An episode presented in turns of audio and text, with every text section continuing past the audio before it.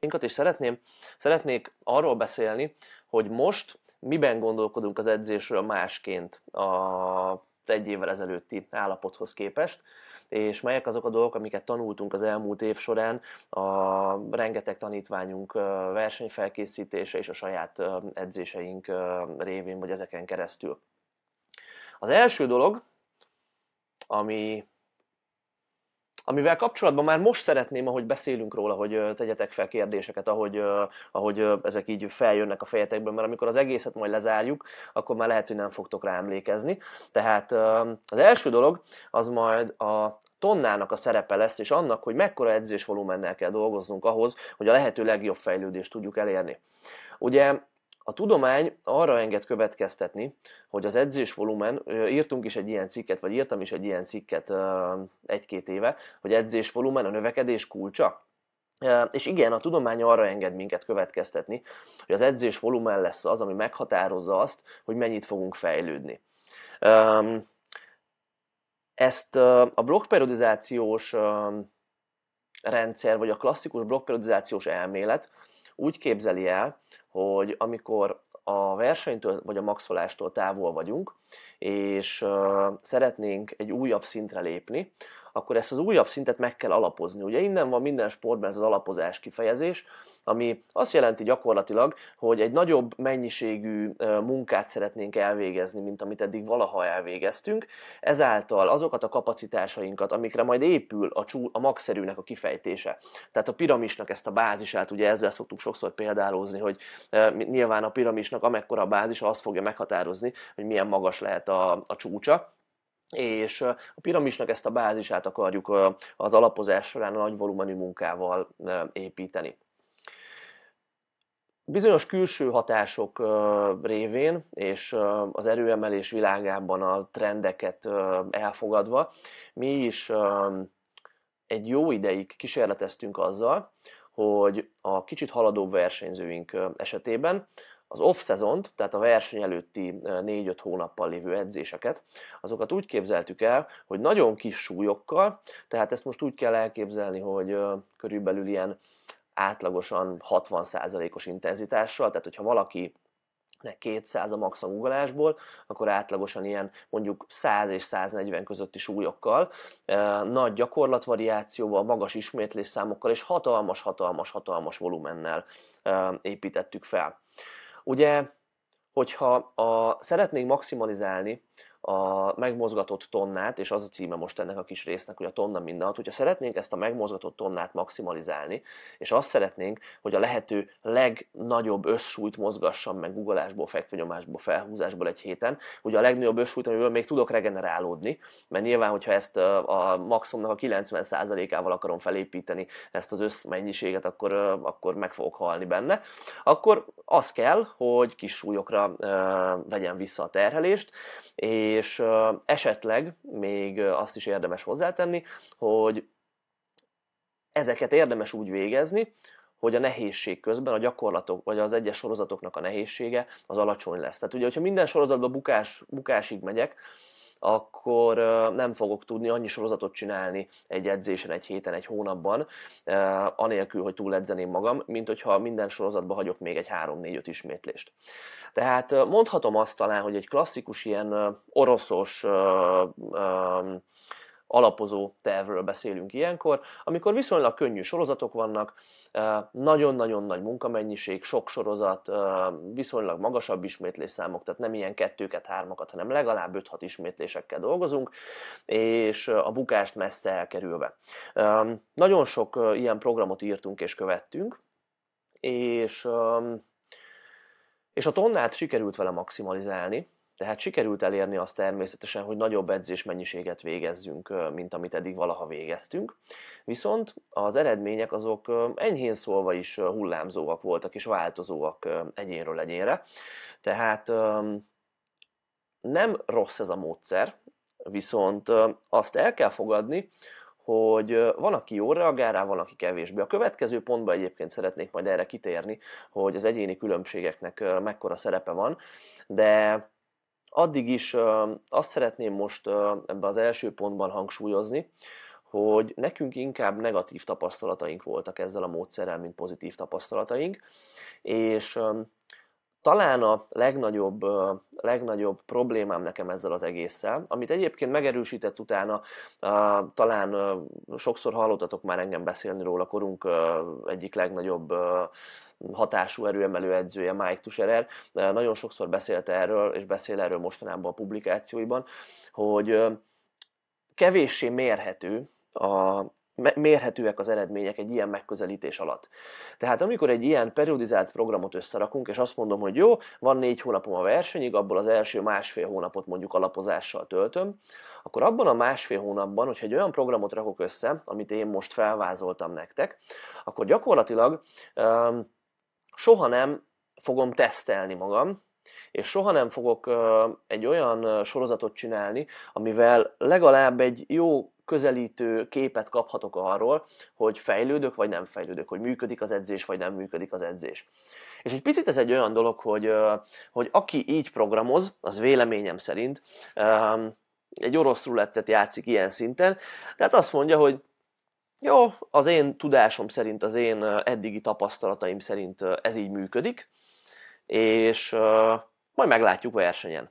Tehát könnyen lehet az, hogy végignyomod az egy-két, akár három hónapos alapozást, közben nyilván egyre fáradtabb, vagy hatalmas mennyiségeket mozgatsz meg, nyilván ezzel a sérülés veszély is egy picit nagyobb lesz az ilyen túlhasználódó, túlhasználódó sérülések kialakulásának esélye, és, és végigcsinálod ezt a szívást gyakorlatilag, Viszont utána előfordulhat, hogy amikor megérkezünk oda, hogy na, akkor most vége az alapozásnak, elkezdünk súlyokat használni, előfordul, hogy megérkezünk oda, hogy pazzeg, nem fejlődtem, sőt, még lehet, hogy gyengültem.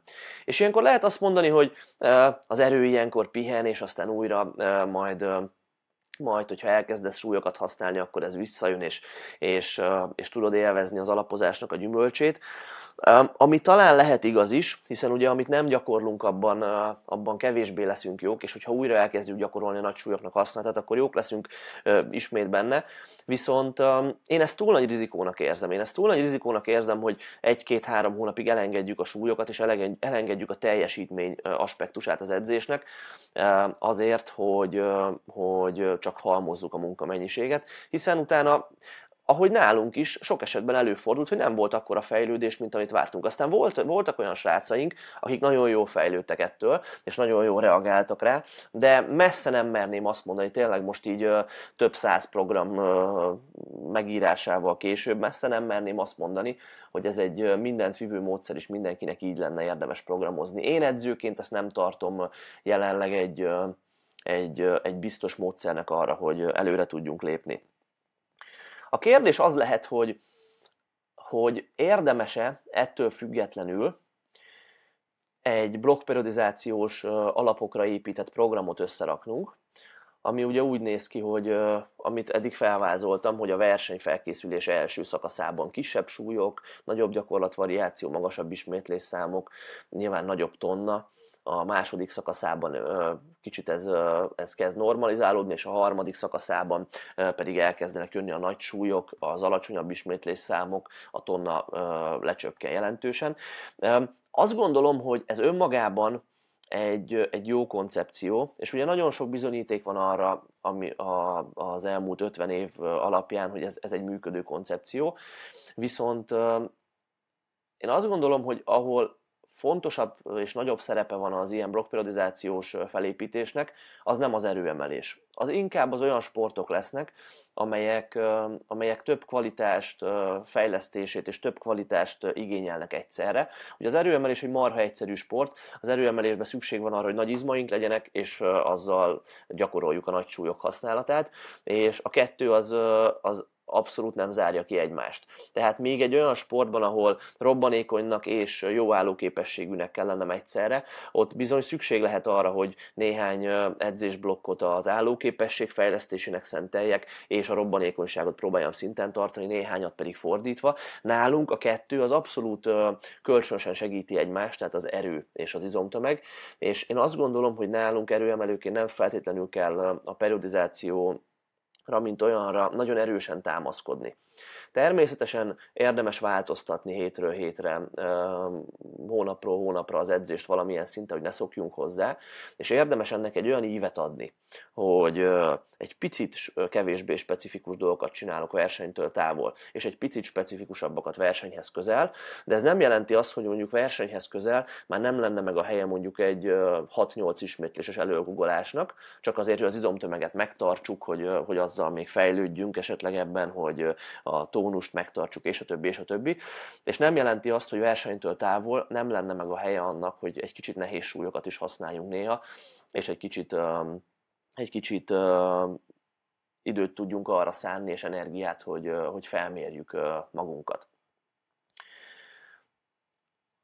Azzal tudnám tehát lezárni ezt az első pontot, és aztán remélem, hogy kérdeztek még ezzel kapcsolatban jókat. Azzal tudnám lezárni ezt az első pontot, hogy a tonna nem mindenható, hogy az, hogy valaki 20 vagy 30 tonnát mozgat meg, vagy 50-et egy edzésblokkban, az abszolút nem fog gondoskodni arról, hogy ő jobban fejlődjön, vagyis nem kizárólag.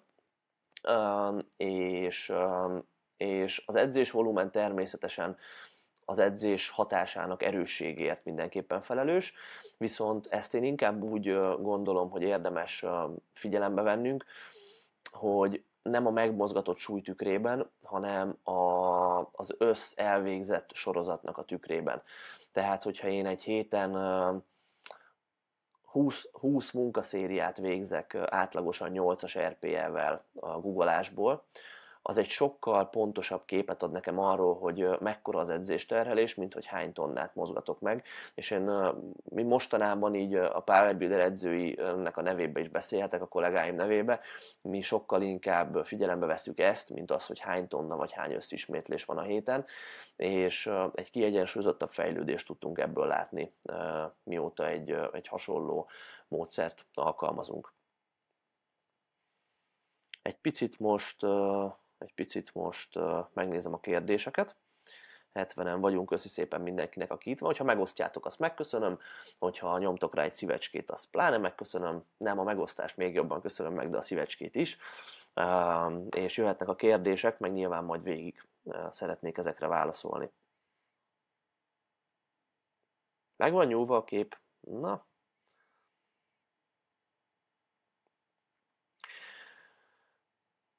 Kristóf kérdezi, hogy periodizáció terén mi a helyzet a csak felhúzást csináló sportolókkal ugyanebben a viszonylatban. Én azt gondolom, hogy ugyanebben a, szóval ugyanezek igazak a felhúzást végző sport, a csak felhúzást végző sportolókra is. Nincs tapasztalatom olyan sportolókkal, akik ne vagy nyomnának, hiszen mi erőemelők vagyunk és nem felhúzók és számomra egy picit furcsa is az, amikor csak felhúzásba versenyez valaki, de ez már csak az én magánvéleményem, mert egy két nagyon szép részét kihagyja ennek a sportnak.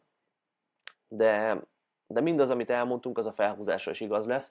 Tehát, hogyha versenytől távol csak, mit tudom én, 50-60 százalékos súlya húz valaki hatalmas volumenben azért, hogy egy alapozó szakaszt eredményesen abszolváljon, az szerintem nem feltétlenül jó út, és néha súlyokhoz kell nyúlni. Hozzáteszem, hogy húzásban ezzel óvatosabban kell bánni. Tehát még egy guggolásban belefér off-szezonba is az, hogy felmenjünk egy közepesen nehéz egyismétlésig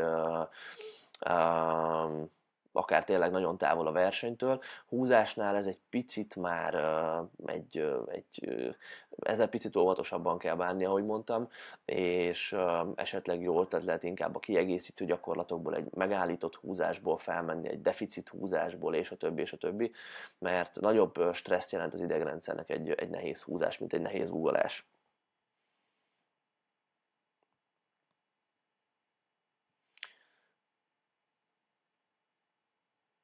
Páldi Gabi kérdezi, hogy miért nem az összismétlés szám a volumen.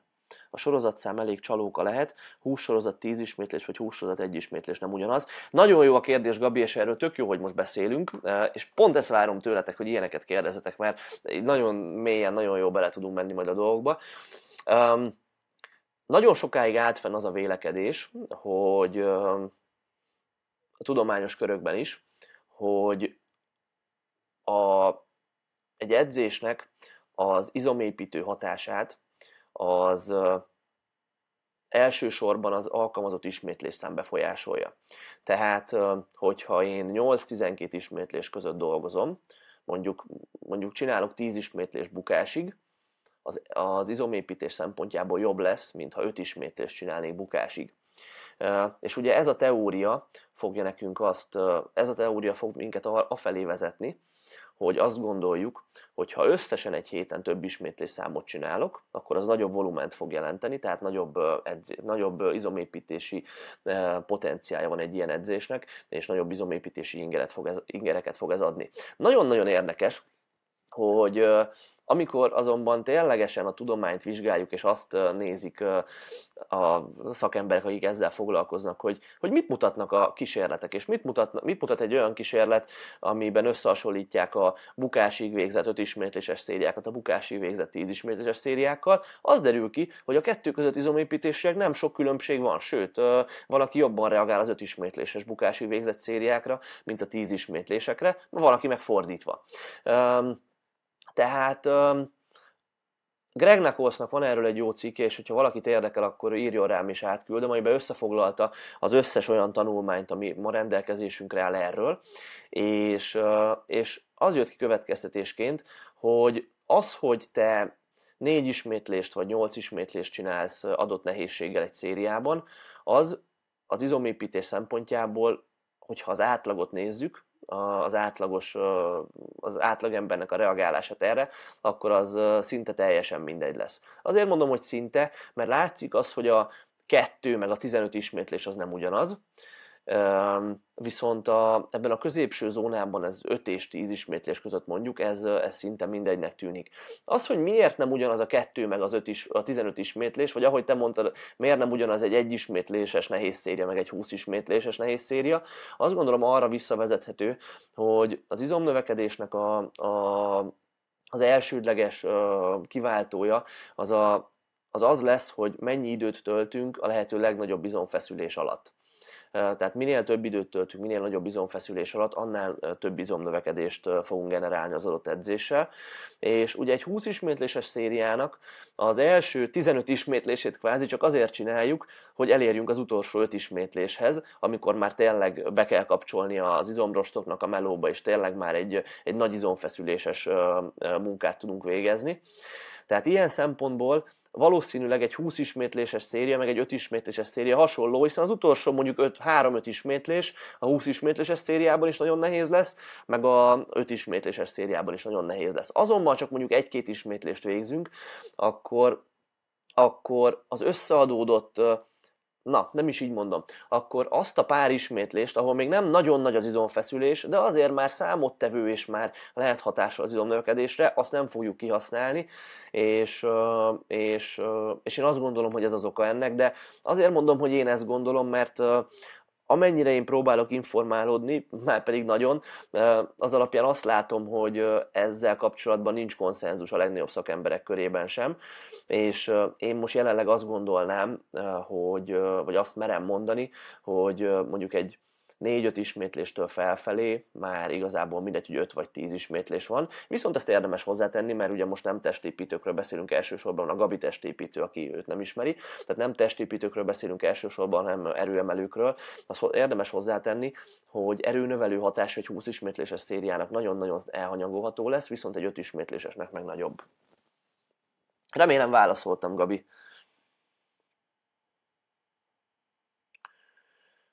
Ja, na, ha van még kérdés, akkor, uh, akkor lőjétek, vagy hogyha ezt még szeretnétek tovább boncolgatni, akkor, uh, akkor uh, jöhetnek a kérdések. Uh, én addig rátérnék a második pontra, amit szeretnék, uh, amiről szeretnék beszélni. Az pedig az lesz, hogy mindenki kurvára különböző. Uh, edzőként ezt nagyon-nagyon nehéz uh, volt nekem legalábbis elfogadni, és uh, nagyon, uh, nagyon erősen,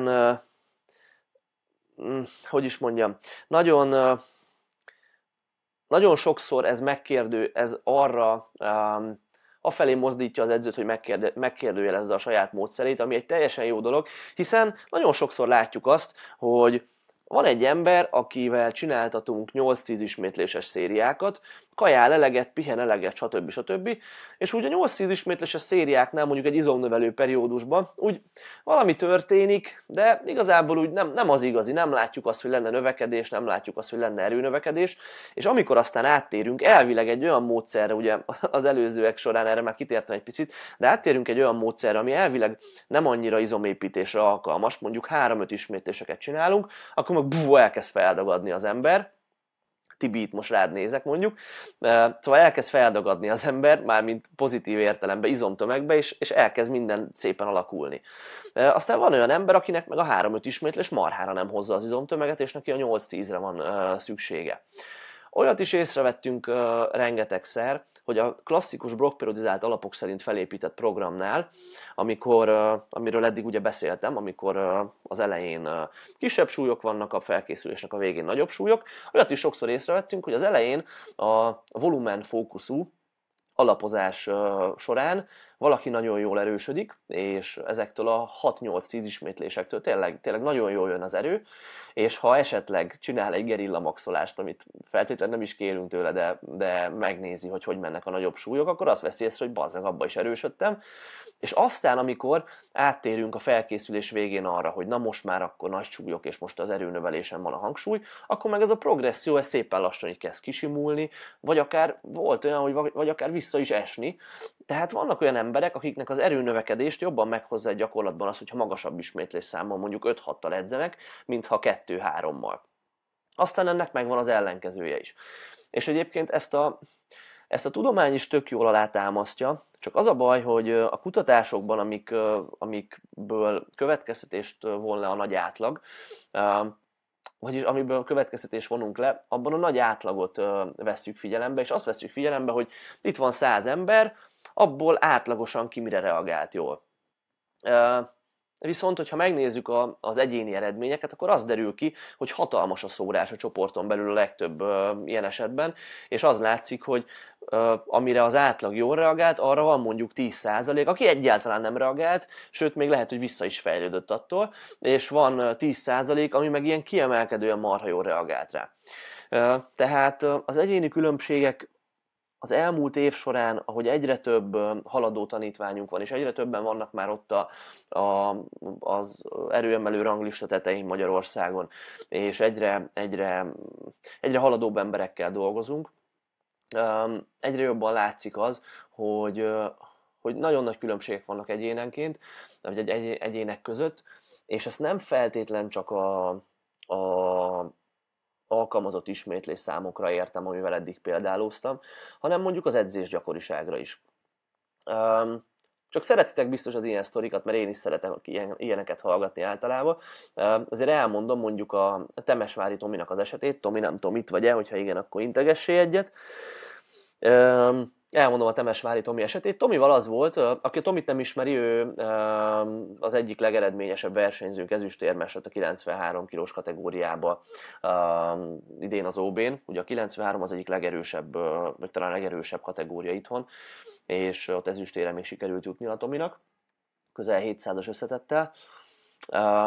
Tehát tényleg egy, egy, egy nagy edzés múltal rendelkező tapasztalt srácról van szó, és Tominál azok a programok, amikor nagyobb volumenre alapoztunk, és, és tényleg, tényleg mondjuk heti három nehezebb uggolása volt, és, és, és, és, és akkora edzésvolumennel dolgozott, mint mondjuk az átlagos Power tanítványunk.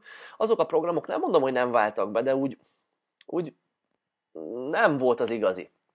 És mentünk előre szépen hónapról hónapra levonva a tanulságokat programozgatva, és egyszer úgy döntöttem, hogy volt egy nagyon, nagyon nehéz edzésciklus mögöttük, bocsánat, volt egy nagyon nehéz edzésciklus mögöttünk, és um, fáradt volt Tomi, panaszkodott egy picit, de érthető volt ez, mert tényleg egy, eléggé agyonvertem az, azokba a hetekbe, és úgy döntöttem, hogy kap egy egy hónapos ilyen lájtos edzést, mert utána fordultunk volna rá a felkészülésnek az igazi szakaszára, és gondoltam, hogy mentálisan azt majd teljesen frissen tudjuk kezdeni, és, és, és kipihenje teljesen magát. Meg tudni kell, hogy Tomi gyúrós körökből jön, tehát ő szereti azt, hogyha van egy kis válpumpálás, biceps, triceps pumpálás, ilyesmi, mivel semmi gond nincsen természetesen, Na és írtam neki egy olyan programot, ami ilyen über kicsi volumen volt. Tehát azt hiszem heti kétszer googoltunk, viszont mind, mindkétszer csak egy igazi munkaszériát, a többi, többi széria azok ilyen RPE 5-ös tempó googolások, nagyon könnyű megállított googolások voltak, meg ilyesmi. Tehát tényleg nagyon kis volumennel dolgoztunk, hogyha addig csináltunk egy héten összesen um, ilyen 20 tonna körüli guggolást, akkor abba a blogba azt hiszem csináltunk ilyen 6-8 tonnákat, vagy 5 tonnákat. Tehát ilyen nagyon kis volumennel dolgoztunk. Úgy voltam vele, hogy hát, hogy icipici gyengült, ami az se baj, nagyjából tartsuk meg az erőt, de pihenje ki a különböző kis fájdalmait, fáradtságait, és utána majd megint el tudunk kezdeni erősödni. És hétről hétre azt láttuk, hogy kurvára jól nőtt az erő, és Tomi is írogatott nekem, hogy te figyelj, mi van, hát itt ezt nem értem, hogy mi történik. És az RPS top settek, amiket igazából csak erő megtartásra akartunk számni, azok, azok egyre jobban mentek, és, és tényleg sikerült úgy eltalálnunk valamit, amire tényleg én azt gondoltam, hogy egy szinten tartó program lesz, ami az egyik legeredményesebb program volt, mióta most már lassan másfél éve együtt dolgozunk, eddig csináltunk. És az a, az a program, ami, ami Tominak ez erre nagyon jó volt, az másnak nagyon kevés lenne, a tapasztalataimból már tudom, és másnak tényleg egy ilyen terhelés elvételre lenne elég, de ő ezzel kezdett erősödni, és ez arra sarkalt minket, hogy elkezdjünk afelé elmozdulni, hogy basszus, lehet, hogy neked sok, az átlagnál sokkal kisebb, vagy jóval kisebb volumenre van szükséged, kisebb edzésgyakoriságra, és mióta ezt így csináljuk, azóta a fejlődés is jobb. Természetesen nem azt jelenti, hogy ilyen extrém irányba mozdulunk el mindig, csak azt jelenti, hogy egy picit e felé kormányozta a mi döntéseinket ez a tapasztalat. Aztán van olyan ember, aki, aki pedig olyan magas volumenekre reagált jól, ami, ami engem egész biztosan, és a legtöbb embert úgy agyonverne egy hét után, hogy föl se bírnánk kelni az ágyból, és, és ő mégis e, ezzel fejlődött a, a legjobban. Tehát ebben is nagyon nagy különbségek vannak. Nagyon nagy különbségek vannak abban, hogy kinek mennyire kell mentálisan a nagy súly, kinek mennyire kell mentálisan a könnyű és nehéz széria. Van olyan ember, akit agyon nyom a terhe annak, hogyha teljesíteni kell minden héten, és, és egy ilyen felmérő jellegű dolgot kell csinálni. Van olyan ember, aki ekkor kezd el igazán jól erősödni, és ekkor kezdi el élvezni az edzést. Um, igen, e, ezzel kapcsolatban igazából ennyit szerettem volna mondani. Nem tudok konkrét tanácssal szolgálni e, erre vonatkozóan, ha csak nem az lesz ez a konkrét tanács, hogy figyeljétek nagyon magatokat, hogy mire reagáltok jól és kevésbé. Számomra most úgy néz ki az edzéstervezés folyamata, hogy mindenkivel be kell lőni egy lehető legpontosabb kezdő pozíciót edzéstervezésileg, tehát mindenkivel próbálni kell vagy ha egy új tanítvány jön hozzám, akkor őt kikérdezem a lehető legjobban arról, hogy mi az, ami neki bevált, mi az, ami kevésbé vált be, mit csinált eddig, edzésnaplót megnézzük, ilyesmi, és ez alapján illetve nyilván a, a tudomány alapján és a tapasztalataink, a tudásaink alapján, meg mindenki, hogyha nem is edzők vagytok, akkor a saját tapasztalatok, tudásaitok alapján, kialakul egy alapvető kép arra, hogy hogy kéne csinálni a dolgokat. De ezzel a képpel azt szeretném hangsúlyozni, és szerintem ez a pontnak a tanulsága, hogy ezzel a képpel nagyon legyetek kritikusak.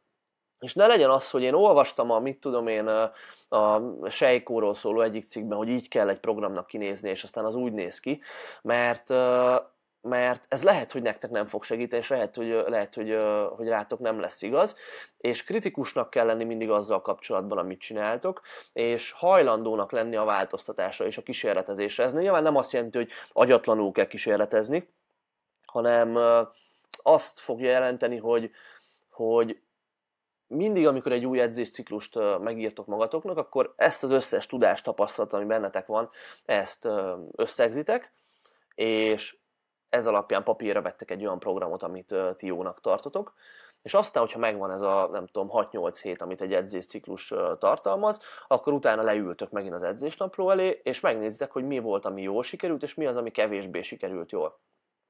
Sokan kérdezik tőlünk, hogy, és most sok irányba elmegyek, de inkább most így beszélgetek veletek, sokan kérdezik tőlünk azt, hogy leendő edzők és olyanok, akik így szeretnének erről tanulni, milyen könyvekből érdemes tanulni erről az egészről, és, és milyen forrásokat érdemes olvasni, amiből meg lehet tanulni, hogy hogy kell edzést programozni mondjuk. És sajnos erre azt tudom mondani, hogy nincs ilyen, és ezt nem azért mondom, mert mi olyan zseniálisak lennénk, hogy ezt már ki a tapasztalataink alapján rájöttünk, mert ahogy kezdtem ezt az egészet, valószínűleg egy év múlva már egy csomó mindent még sokkal jobban fogunk tudni, és tíz év múlva meg azt fogom mondani arra, ami most elhangzott, hogy bazeg, ez egy hülyeség volt. De, de én azt látom, hogy az erőemelés, és úgy általában az egész terület még annyira egy, egy kevéssé kutatott és kevés tapaszt, össztapasztalattal rendelkező um, sportág, tudományág, amelyben amelyben csak is a tapasztalatra uh, zárkózhatunk, és csak uh, nem, ez túlzás, hogy azt mondom, hogy csak is, de nagyon nagy rész tapasztalatra kell, hogy szorítkozzunk, és arra, hogy most a papír szerint, a könyv szerint, a tudomány szerint mi a jobb, azt nyilván meg kell hallgatnunk, figyelnünk erre, és és azt próbálni beépíteni, de hogyha nekünk az éppen nem fog beválni, akkor valószínű, hogy az, az, az, az nekünk egy, egy tévút lesz, és nem így kell edzenünk, hiszen mi nem tartozunk az átlaghoz. Um,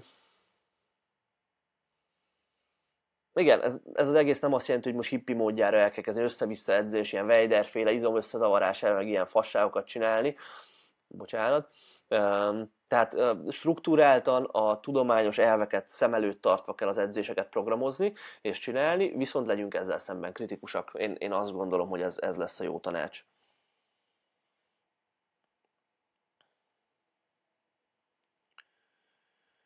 Pál Gabi kérdezi még, hogy mit számítasz fel a volumenbe? 60-70%-os terhéssel elvégzett széria, az melegítés, vagy már munkasorozat?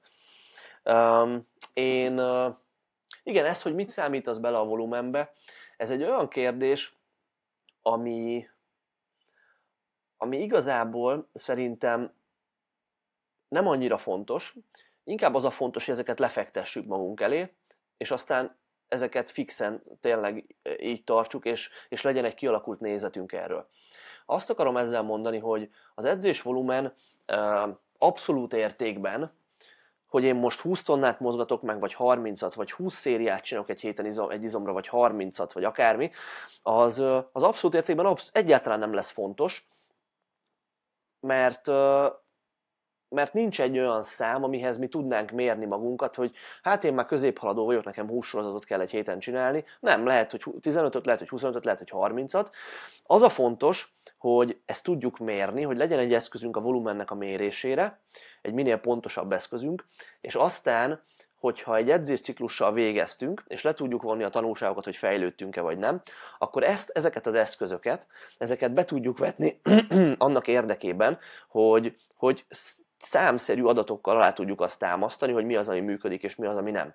Tehát, hogyha én beleveszem a 60%-os szériákat a munkasorozatok közé, akkor valószínű, hogy nekem nem 15, hanem 25 sorozatom lesz egy héten egy adott izomcsoportra. Viszont, hogyha egy adott edzésciklus után én azt mondom, hogy nem fejlődtem, mert kevés volt valószínűleg az elvégzett munka, akkor tök mindegy, hogy a 15 sorozatról lépek 20-ra, hogyha nem számítom bele 60%-os szériákat, vagy a 25-ről lépek 30-ra, hogyha beleszámítom. Az a lényeg, hogy legyen egy olyan módszerem, amivel ezt számolom, és aztán amivel következtetéseket tudok levonni a, a továbbiakra vonatkozóan. Remélem, hogy érthető volt. Um, ez a, ez a hosszú és a, a, az alapos, a pontos válaszom. Um, egyébként meg én azt gondolom, hogy vagyis mi jelenleg az egy RPE 6-7 nehézségű szériáknál nehezebbeket már munkaszériának számítjuk, és nyilván nem csinálunk 50%-os súlyokkal RPE 6-7-es nehézségű szériákat, tehát általában ezek ilyen 70% vagy a fölötti súlyok szoktak lenni.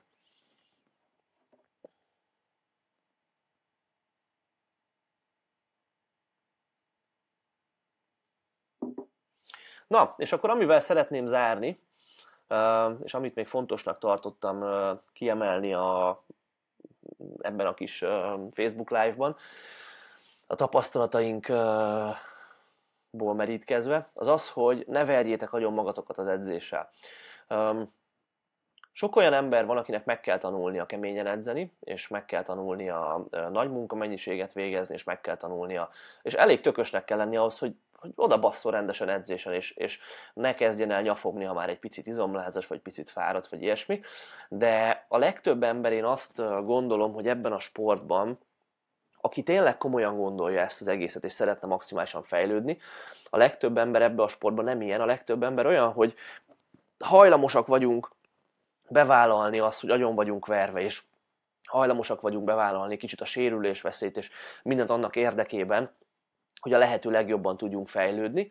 És van egy ilyen valószínű, hogy a, nem tudom, a modern világban összeszedett mentalitásunk, amit teljesen jó, csak az edzésen nem feltétlenül vonatkozik, hogy minél többet, minél keményebben dolgozol, minél jobban agyonvered tényleg magad, annál jobb lesz majd a fejlődés. Hiszen minél több munkát raksz bele, annál jobb lesz majd a végeredmény.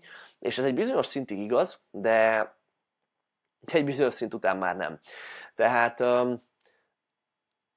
abszolút azt vettük észre, hogy az, a, az az elképzelés, miszerint az ed, egy edzésciklusban végez maximális mennyiségű munkát, az se baj, ha a végére túl vagy edzve, verd nagyon magad, és utána majd, amikor kipihened ezt, és terhelés elvételt alkalmazol, akkor hirtelen a pihenés hatására sokkal jobban fog menni a dolog.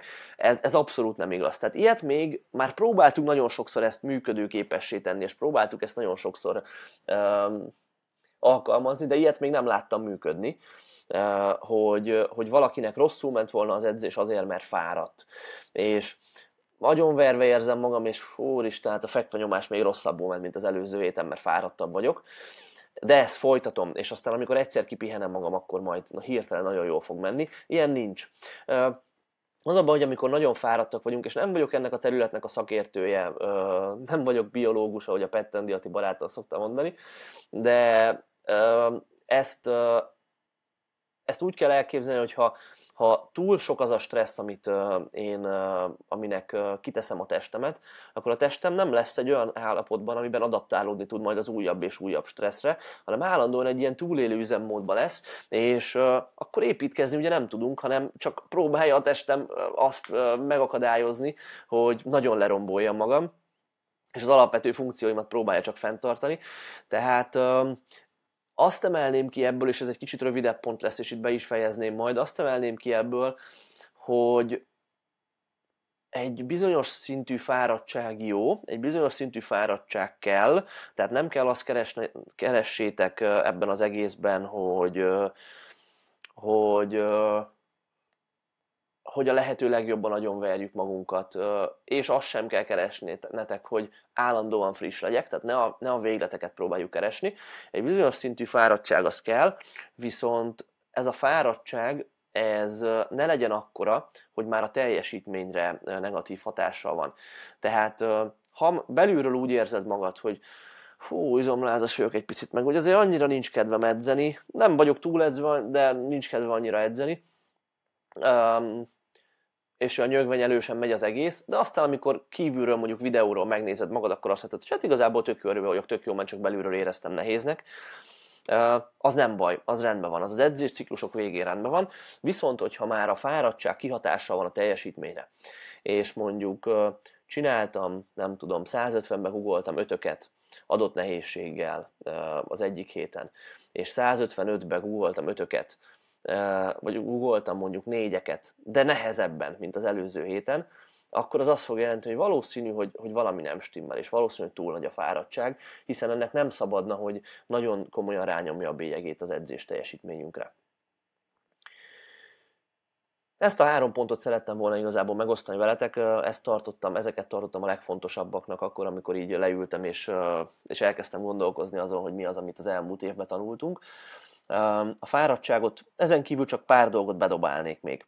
A fáradtságot érdemes mérni, érdemes vagy egy kérdőívezést csinálni minden reggel, hogy mennyire érezzük magat, magunkat frissnek, vagy egy reggeli pulzus mérni, vagy egy omega vévre beruházni, amivel, amivel ezt, ezt lehet jól mérni. De jó ötlet, hogyha nem csak az edzés mellé, hanem a, a fáradtság mellé is számokat tudunk társítani. Az edzés mentális oldala nagyon fontos, minél több haladó emberrel foglalkozunk, annál jobban látszik ez, hogy az, hogy nyilván egy, egy versenyen keményen kell odaállni, és egy versenyen oda kell baszni, mint az állat, és ezt meg kell tanulni. Nem is erről beszélek annyira, hanem hogy edzésen hogyan állunk oda a súlyokhoz, és hogyan csapódik le bennünk a teljesítmény.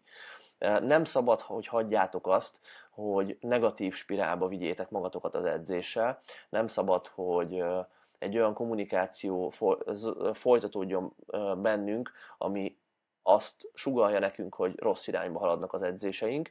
Nem szabad, hogy állandóan a hibát keressük, nem szabad, hogy állandóan arra gondoljunk, hogy hú, hát ez most igazából nem ment rosszul, de hú, hát volt fél éve egy olyan edzés, amikor még ennél jobban is ment, és lehet, hogy akkor most nem is fejlődtem, hanem mindig a pozitívumokat kell keresni, mert olyan pici százalékok döntenek már azok esetében, akik tényleg évek óta erőemelnek, és, évek, és már egy magas szintre jutottak, amelyekről már gondoskodhat az, hogy én most úgy állok oda az edzésre, hogy tök jól megy minden, király vagyok, bekaphatja mindenki, ezt nézzétek, milyen erős vagyok, most nyilván kicsit eltúlozva, vagy úgy állok oda, hogy jaj, nem fejlődök, szar minden, de azért megcsinálom a munkamennyiséget, ami elő van írva. Na ez a kettő, ez, ez el tudja, ez a két hozzáállásbeli különbség el tudja dönteni azt, hogy fejlődünk vagy nem fejlődünk, és ezt jó néhány emberünknél láttuk, és, és igyekszünk ezt, ezt lehető legjobban hangsúlyozni azóta.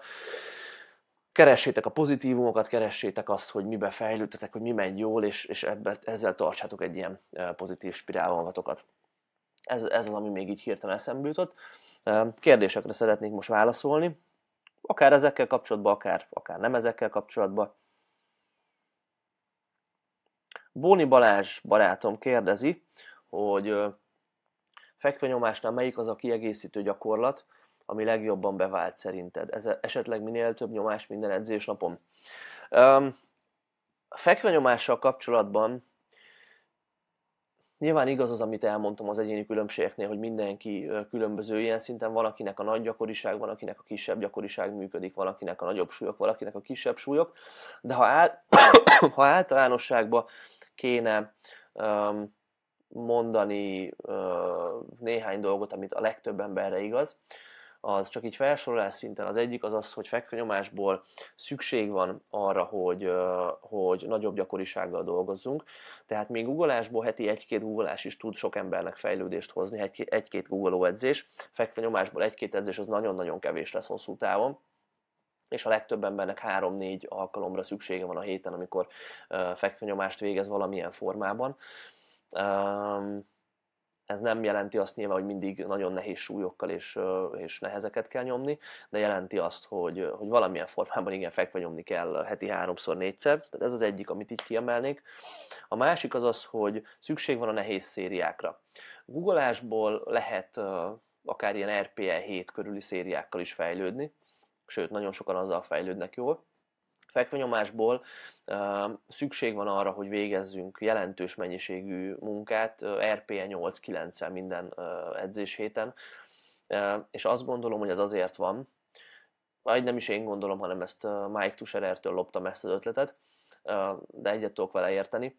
Azt gondolom, ez azért van, mert fekvenyomásnál egy könnyű ismétlést azt igazából bárhogy ki lehet nyomni. Azt ki lehet nyomni úgy is, hogyha egy kicsit figyelünk nyilván a technikára, de kicsit inkább fölfele nyomjuk, és nem visszafele, nem adjuk bele a megfelelő láblökést, nem húzzuk szét a rudat és ilyesmi.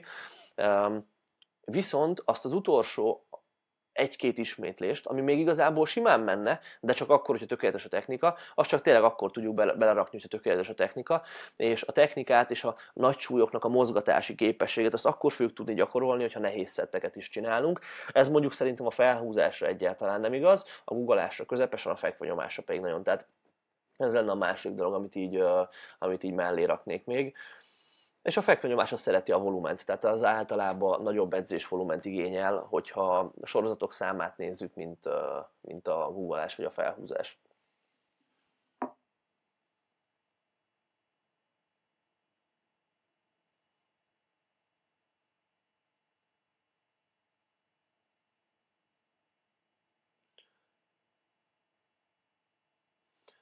Páldi Gabi kérdezett még olyat, hogy miért az RPS skálát használjátok egy széria intenzitásának meghatározásához. Az intenzitás itt most Gabi a nehézség alatt érti, vagy a nehézségként érti. Nem jobb az egy ismétléses maximum súlyhoz képest viszonyítani? Mert egy 30 ismétléses széria is lehet RPE 10, viszont elég csekély erőnövelő ingert vált ki. Abszolút, ez, ez igaz, tehát erőemelőként, hogyha az, vagy ha az erő a, a célunk, már pedig azt gondolom mindenkinek az kell, legyen a célja, legalábbis az egyik célja, még testépítőként is. Tehát, tehát ebben a kontextusban nem is érdemes igazán mondjuk 10-12 ismétlés fölötti szériákat csinálni. Vannak nyilván kivételek, van olyan, amikor mondjuk egy 15 ismétléses láptolónak meg lehet a létjogosultsága, hogyha az a célunk, hogy a lehető legnagyobb bedúranást érjük el, és a bedúranás által kiváltott izomnövekedési ingereket hozzuk elő. Vagy lehet ugyanilyen szempontból értelme egy 15 ismétléses triceps nyújtásnak, vagy bicepszezésnek, vagy akárminek, tolózkodásnak, de hogyha az izomnövekedésnek a, és az erő Na, ha az izomnövekedésnek a fő ingerét akarjuk kihasználni, az ugye a nagy súlyokkal való e, nagy mennyiségű munka lesz, és akkor 10 fölé nem nagyon érdemes menni. E, ilyen szinten pedig ugye az, hogy mekkora erőnövelő hatása lesz egy sorozatnak, azt inkább az dönti, hogy hány nehéz ismétlést csinálunk, mint hogy mekkora súlya, tehát ezért van az, hogy az RPS skálát érdemes szerintem akkor is használni, izomépítés a cél, e, meg nyilván erőnövelésnél is egy nagyon fontos információt hordoz. Mester Miki tanítványunk kérdi, Szia Zsolti, arra lennék kíváncsi, hogy a gyakorlatválasztásban volt-e szemléletváltás? Melyik gyakorlat vált nagy kedvencé, vagy volt olyan, ami kikerült? Egy picit ezen elgondolkozom. Első körben azt mondanám, hogy a szemléletváltás inkább megint csak a periodizációs, periodizációs alapvetéseket érintette. Tehát régebben szűkebb volt a választott gyakorlatok köre verseny előtt, és jóval tágabb versenytől távol. Tehát előfordult az, hogy versenytől távol egy, teljesen elhagytuk a, a háton guggolást, és csak előgugolást, csak megállított guggolást, ilyesmiket csináltunk, míg jelenleg ezt már nem tartom jól tettnek. És versenyhez közel is előfordult az, hogy csak az alapgyakorlatokat, vagy na, csak a versenygyakorlatot csináltuk, tehát csak mondjuk hátungugolást csináltunk heti háromszor, és ezt sem tartom feltétlenül célra vezetőnek, tehát ott is egy kicsit azt, azt tapasztaltam, hogy jó ötlet megtartani azokat a kiegészítőket, amik az, egy, egy, az egyes egyénnek beváltak. Mondjuk, ha valakinek az előgugolás jó hatással volt a guggolására, akkor azt akár a verseny előtti periódusban is megtartani.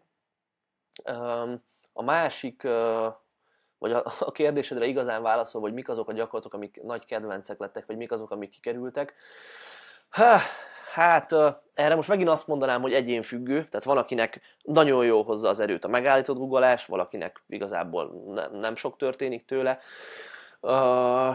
és a többi, és a többi. De hogy konkrétumot is mondjak, mondjuk googolásból a, a legkedveltebb variációink a megállított googolás, a tempógugolás, amikor ugye lassítjuk a negatív szakaszt, ezt inkább ilyen technika fejlesztő célzattal.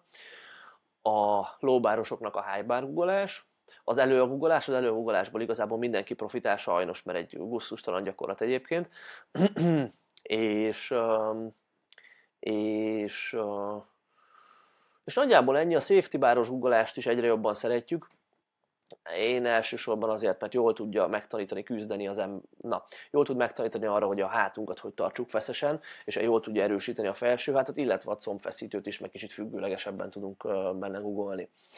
Felhúzásból talán egy kicsit szűkebb a gyakorlatok köre, hiszen kevesebb gyakorlatot is tudunk csinálni egy héten a túledzés veszélye nélkül.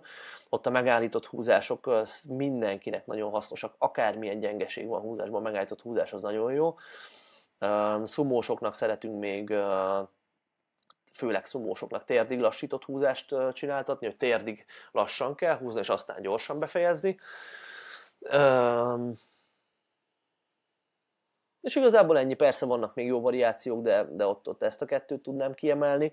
Fekvenyomásra meg talán, vagy egész biztosan ott van a gyakorlatoknak a legnagyobb, legnagyobb variációs lehetőségünk hiszen ugye a googolás és a felhúzás nagyjából hasonló izmokat terhel, tehát a kettő valamennyire korlátozza egymást heti edzés volumenben, fekvőnyomásra meg igazából sokkal több gyakorlatot csinálhatunk. Nyomásnál idén kezdtünk el komolyabban kísérletezni a deszkás nyomásokkal, és uh, nyilván nem mi találtuk fel ezt a dolgot, hanem ezt most lett, igazából most lett hozzá eszközünk, hogy, uh, hogy ezzel tudjunk kísérletezni, és nagyon jó eredményeket láttunk tőle tehát a deszkás nyomások a legtöbb ember esetében egy, egy jó dolgot tudnak elindítani.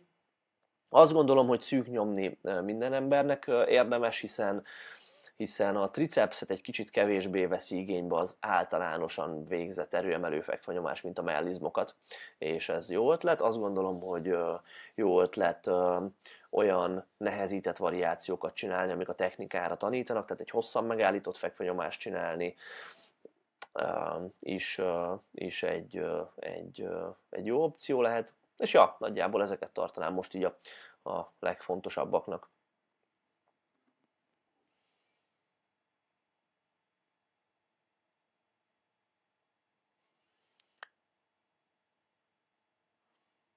Bóni Balázs, mit szólsz Tomplac 5 ismétlés a Végtelenség című edzés elméletéhez? Nem ismerem Balázs, ne haragudj. Nem tudom.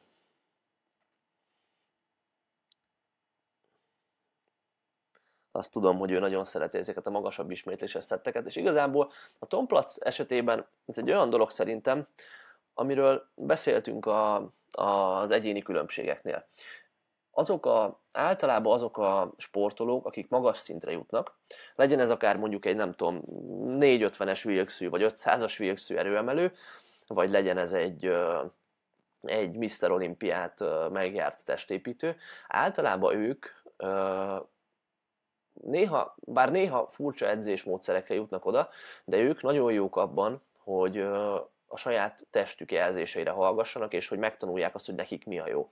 És én azt gondolom egyébként Tom Platz esetében is, hogy ő nagyon jól rájött arra, hogy neki a magas ismétléses szettek hozzák jól az izomtömeget, és, és ezt kell végezni ahhoz, hogy, hogy ezt hogy ebben tudjunk fejlődni.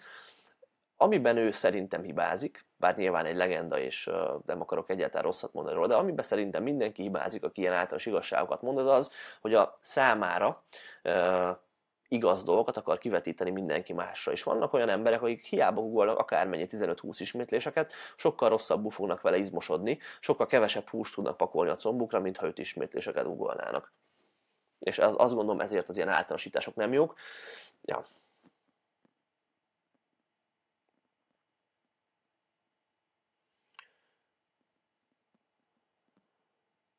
Game Pepe kérdezi, hogy Gugi és Gugi között van valami arányszám, amit érdemes tartani célként kitűzni. Sokan dobálóznak ilyen számokkal, de én nem gondolom, hogy ez jó ötlet lenne.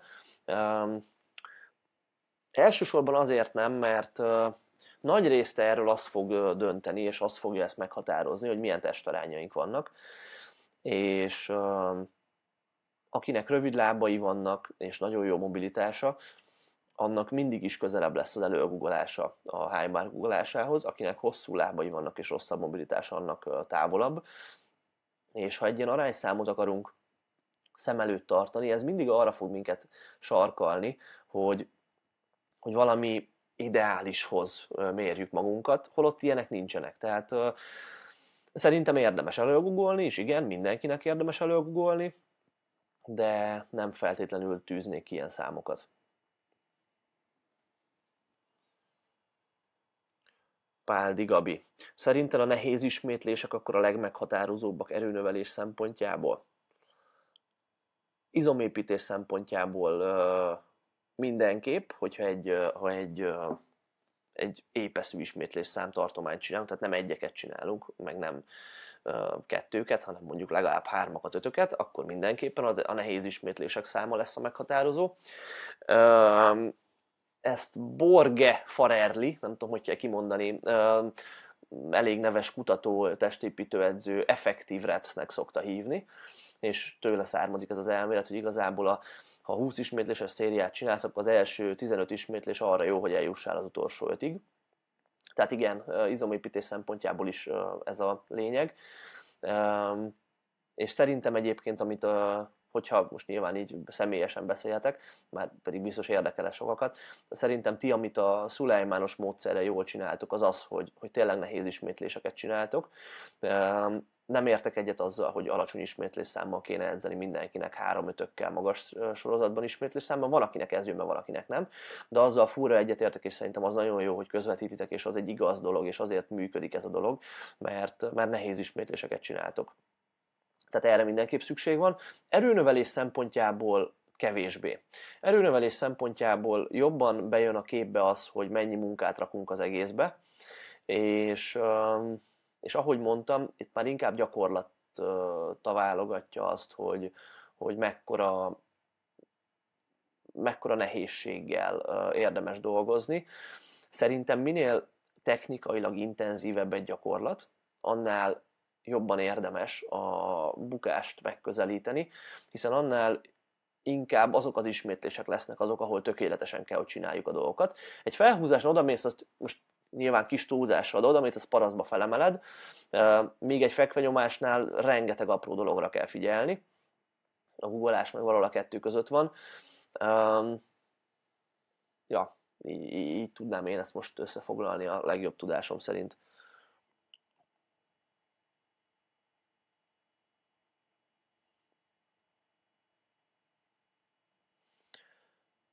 Keresztes Marci tanítványunk kérdező. Szia Zsolti! Vettetek észre bármilyen tendenciát azzal kapcsolatban, hogy milyen típusú embereknek működnek az edzési jellemzők? Azaz ránézésre lehet-e valakiről megtippelni, hogy neki inkább az alacsonyabb, magasabb ismétlésszámok fognak működni, vagy mindenki a nulláról tapasztalja ki magának inkább? Marha jó kérdés, és tőled nem is vártam volna mást, Marci.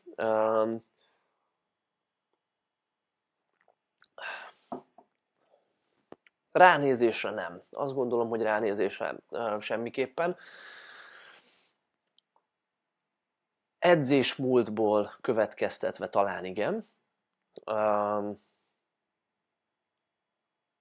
De még az is csak egy, egy, egy erős közelítést tud jelenteni. Tehát ahogy említettem, érdemes kritikusan azt figyelembe venni, kritikusan vizsgálva azt figyelembe venni, nyilván úgy, hogy egy csomó faktor ez befolyásolja, de kritikusan vizsgálva azt figyelembe venni, hogy mi az, ami az elmúlt év, az elmúlt évek során, amikor én edzettem, mi az, ami bejött, és mi az, ami nem. És visszagondolok arra, hogy mikor fejlődtem a legjobbat, mik voltak azok az alkalmak, amikor, amikor a fekvenyomásom a legtöbbet jött, a guggolásom a legtöbbet jött, a felhúzásom a legtöbbet jött, és ezeket próbálni, ezekből próbálni következtetéseket levonni, és utána természetesen ezeket egy kiinduló alapként használva kísérletezni tovább. Ami még egy jó közelítő lehet erre, és jó kiinduló alapot adhat, az a, a mentális jellemzőknek a vizsgálata. Én ezzel még nem kísérleteztem, de ez a Mike Tusherernek egy újabb projektje, amiről mostában nagyon sokat beszél, és nagyon érdekes eredmények vannak róla. Ő ilyen tényleg haladó 400 fölötti vilkszű erőemelőket interjú volt meg nagyon sokat arról, hogy mik az, amik nekik működnek, és utána csináltatott velük egy személyiségtesztet és nagyon erős korrelációkat vélt felfedezni több aspektusában is a személyiség, a, a személyiség és a, az edzésnek a több aspektusában is. Én ezeket most nem akarnám felsorolni, akit érdekel, az nézzen utána.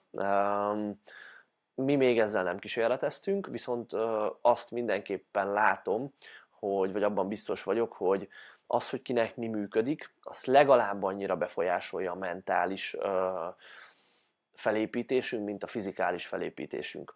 Tehát, hogyha valakinek, sokan ezt a hormonrendszerre vezetik vissza, sokan ezt csak simán arra, hogy mitől érezzük jól magunkat, mitől kevésbé, de a kettőnek azért elég sok összefüggő, elég nagy összefüggései vannak.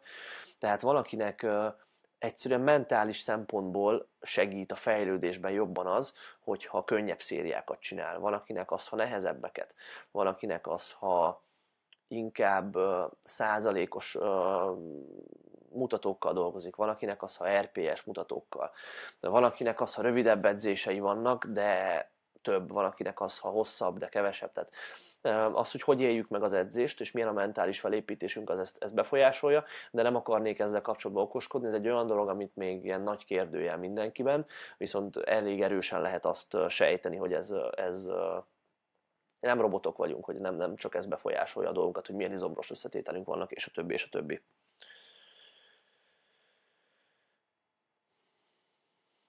Na,